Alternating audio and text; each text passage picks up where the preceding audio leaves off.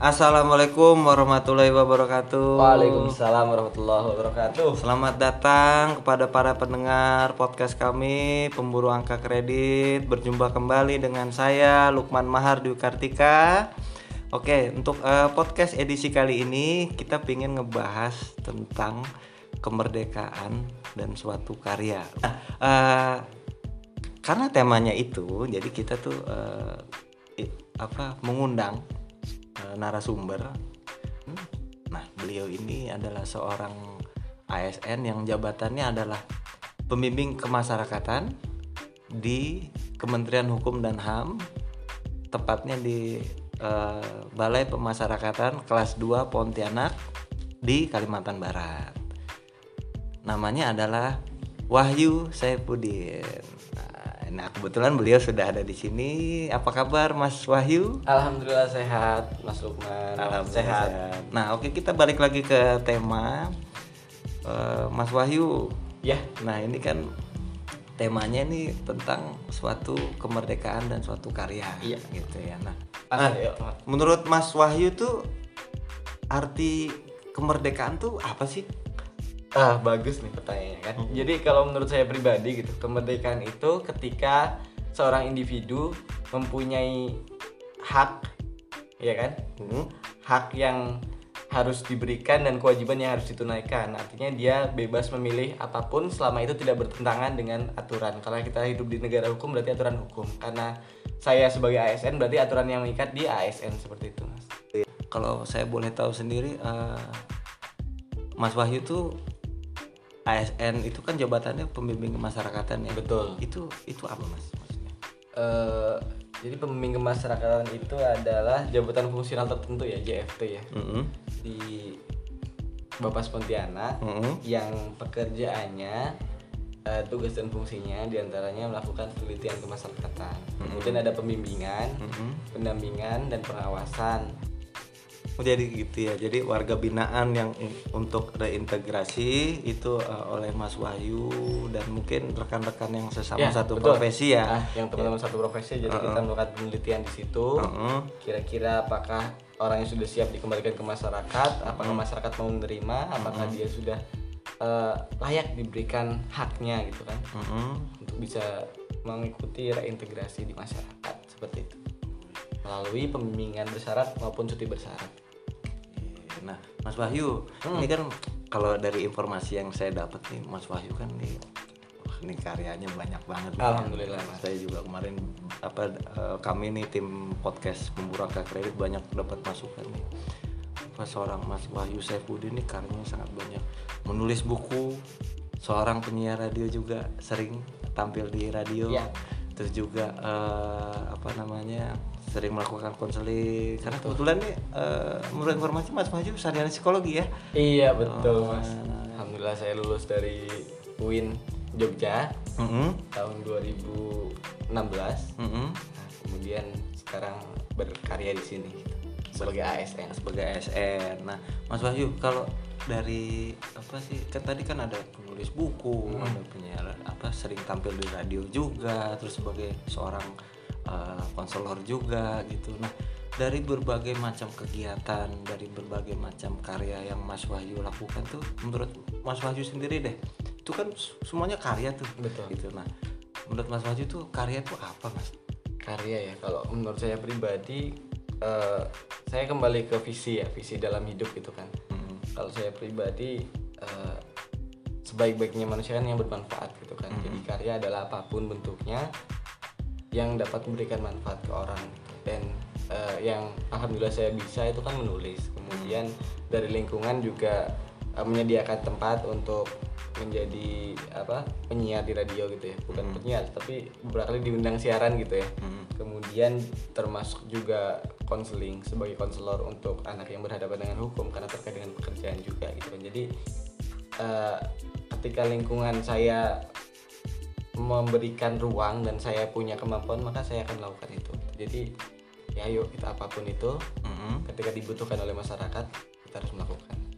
Oh, jadi menurut Mas Wahyu itu karya itu ketika diperlukan masyarakat kita harus melakukan. Nah. selama itu hasilnya uh, membawa manfaat ya. Betul. Nah Mas Wahyu nih saya juga dengar-dengar nih Mas Wahyu kan dapat beasiswa ya? Oh iya betul. Beasiswanya ini kalau dari informasi yang saya dapat sih ke luar negeri juga. Ke luar negeri ke negara mana mas itu mas? Eh, beasiswa yang kemarin dari ke Malaysia. Malaysia. dari, ya, dari pemerintah NTB kalau boleh saya tahu beasiswanya itu apa mas? Maksudnya eh, namanya itu apa? Terus kalau eh, bisa diceritakan lagi maksudnya prosesnya itu sehingga dapat beasiswa nih? Karena apa ASN mendapat beasiswa ini wah ini suatu prestasi yang luar biasa Hmm, jadi memang apa untuk beasiswanya sendiri ya beasiswa sendiri dari pemerintah Nusa Tenggara Barat gitu kan. Memang ada programnya karena memang visinya gubernurnya juga NTB Gemilang gitu kan sehingga harus ada apa seribu cendekia dari Lombok gitu kan yang akan membangun lagi di sana. Nah karena saya punya KTP Lombok jadi saya juga berkesempatan untuk mendaftar beasiswa tersebut.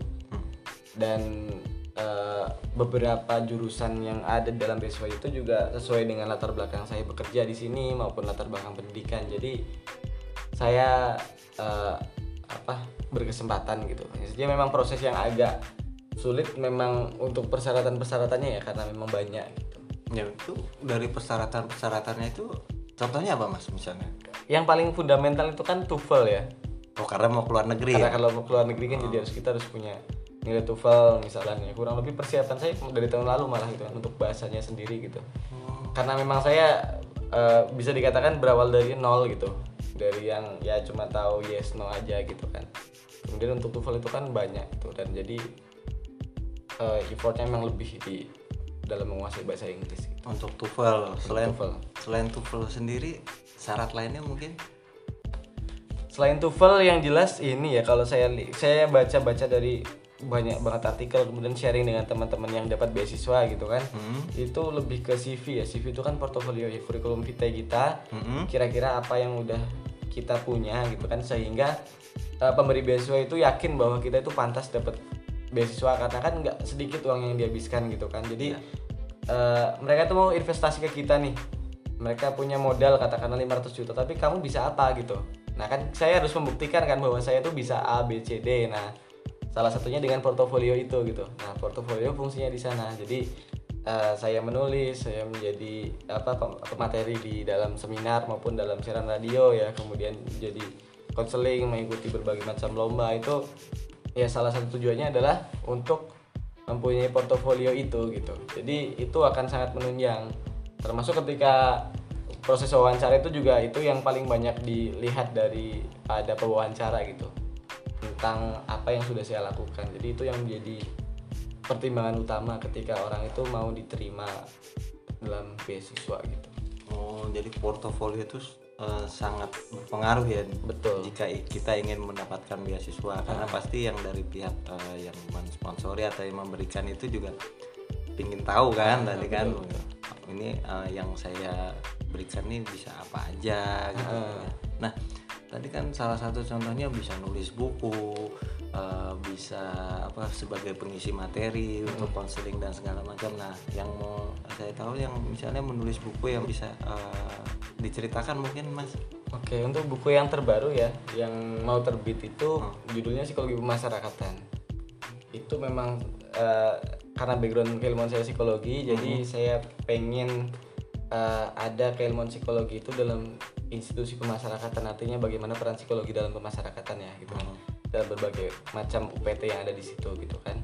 Nah, jadi di situ. Kemudian sebelumnya di April itu kita juga menerbitkan buku ya bareng sama teman-teman gitu kan teman-teman yang satu profesi di hampir di seluruh Indonesia gitu kan menyambut Hari Bakti Pemasyarakatan judulnya Kapita Selekta penerbit gitu kan jadi selain nulis juga saya punya penerbit bareng teman-teman. Jadi kita membuat sebuah penerbitan yang fokusnya di digital book gitu kan. Oh itu punya mas Wahyu sendiri? Iya punya kami gitu, punya kami gitu kan. Jadi akhirnya itu menjadi memfasilitasi kami gitu untuk kemudian terus menulis dan terus menerbitkan buku gitu.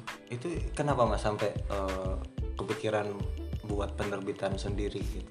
Kalau kepikiran buat penerbitan sih pertama gini ya karena memang apa sebagai penulis itu tantangan yang paling sulit itu kan menerbitkan ya. Mm-mm. Selain juga menulis gitu ya.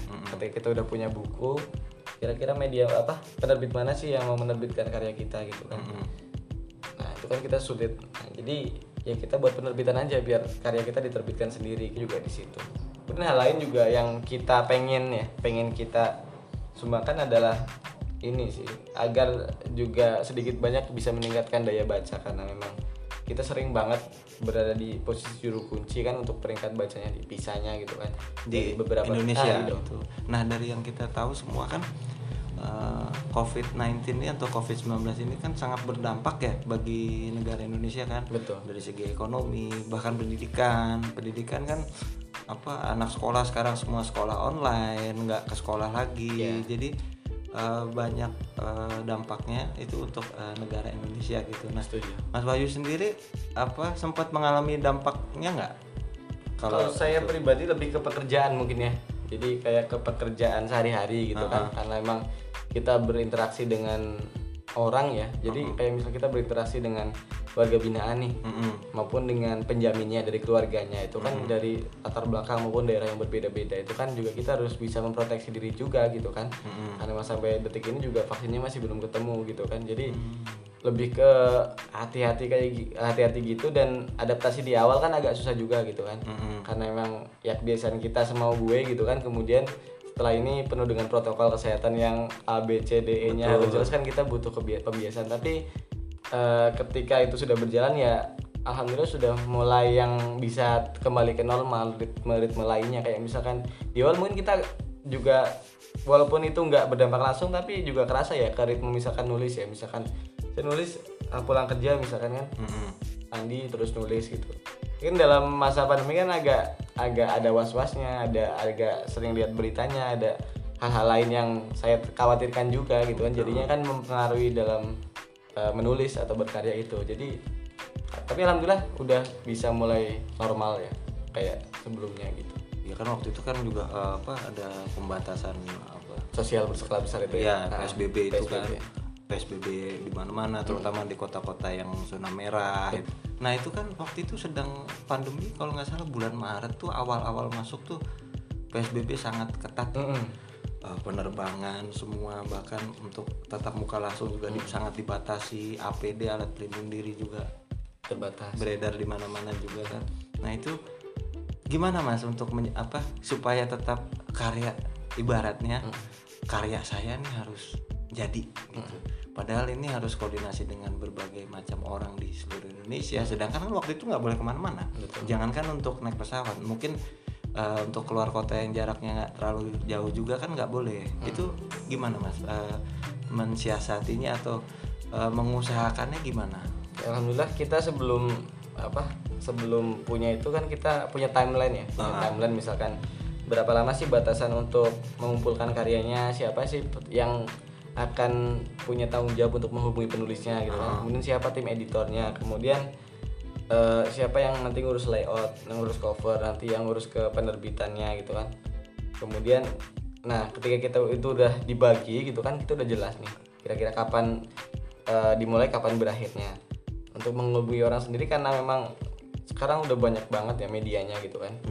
Itu kita manfaatkan media yang ada kayak misalkan WhatsApp kita juga pakai Zoom untuk eh, rapat gitu ya dua kali kalau nggak salah untuk rapat apa secara virtual gitu kan bertatap muka dengan teman-teman lain gitu kan. Dan akhirnya ketika semua sudah konsepnya disepakati seperti apa dengan lancar bisa diterbitkan.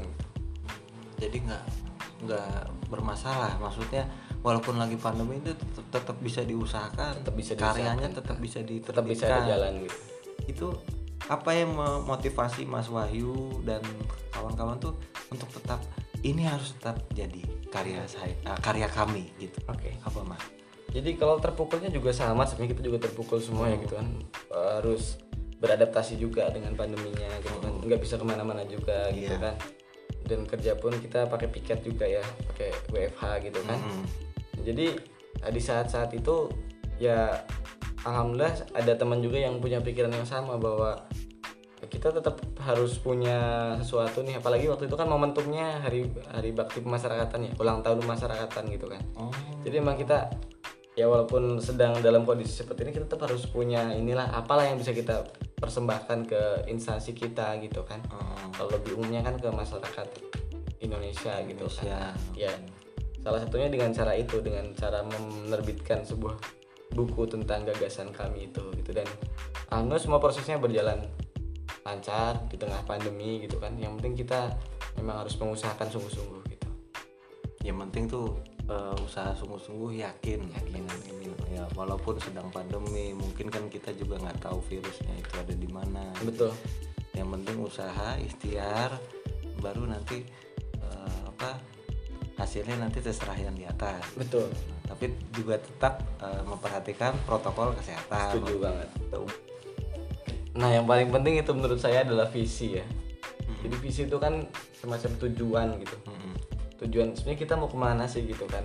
Misalkan saya mau mengunjungi kota misalkan saya sekarang di Pontianak saya pengen ke Jawa gitu katakan hmm. kan udah jelas tujuan saya ke Jawa kan walaupun nanti saya mau mampir dulu lah katakanlah mau ke Bali dulu, ke Lombok dulu, ke Sumatera dulu, tapi jelas tujuan saya ke Jawa gitu. Mm-hmm. Gitu juga dengan hidup gitu, dengan dengan apa yang sedang saya jalani sekarang gitu kan. Jadi memang tujuan jangka panjang saya, saya pengen banget gitu kan, pengen banget punya pendidikan setinggi tingginya, punya karya sebanyak banyaknya. Jadi ya apa pun apa rintangan atau jalannya gitu kan dengan ASN maupun dengan tidak dengan ASN itu saya tetap harus bisa menuju ke sana gitu jadi tetap aja ah, ke ke tujuan saya tadi itu gitu kan. Jadi saya harus punya tujuan katakanlah impian gitu kan atau cita-cita gitu. Jadi hmm. apa pun jalannya saya harus ke sana. Yang jelas yang diridoi gitu ya. Jangan sampai yang yang bertentangan dengan norma hukum maupun norma agama gitu. Oh, tetap yang harus sesuai aturan ya. Hmm. ya itu yang penting yakin dulu atau tetapkan dulu uh, tujuannya apa. Iya. baru habis itu yakin kalau ini bisa dijalani bisa sampai gitu ya. Betul, ya walaupun misal walaupun ada mungkin ada pandemi Betul. dan segala macam ya. Jadi kuncinya kalau menurut Mas Wahyu itu. Betul. Jadi terima kasih banyak atas waktunya. Hah? oke uh, para pendengar podcast pemburu angka kredit sekian dulu podcast dari kami. Mudah-mudahan bermanfaat. Dan jangan lupa semasa pandemi ini tetap uh, mematuhi protokol kesehatan yang ditetapkan pemerintah supaya kita semua tetap bisa sehat, tetap bisa aktivitas dan tetap bisa berkarya. Terima kasih. Assalamualaikum warahmatullahi wabarakatuh.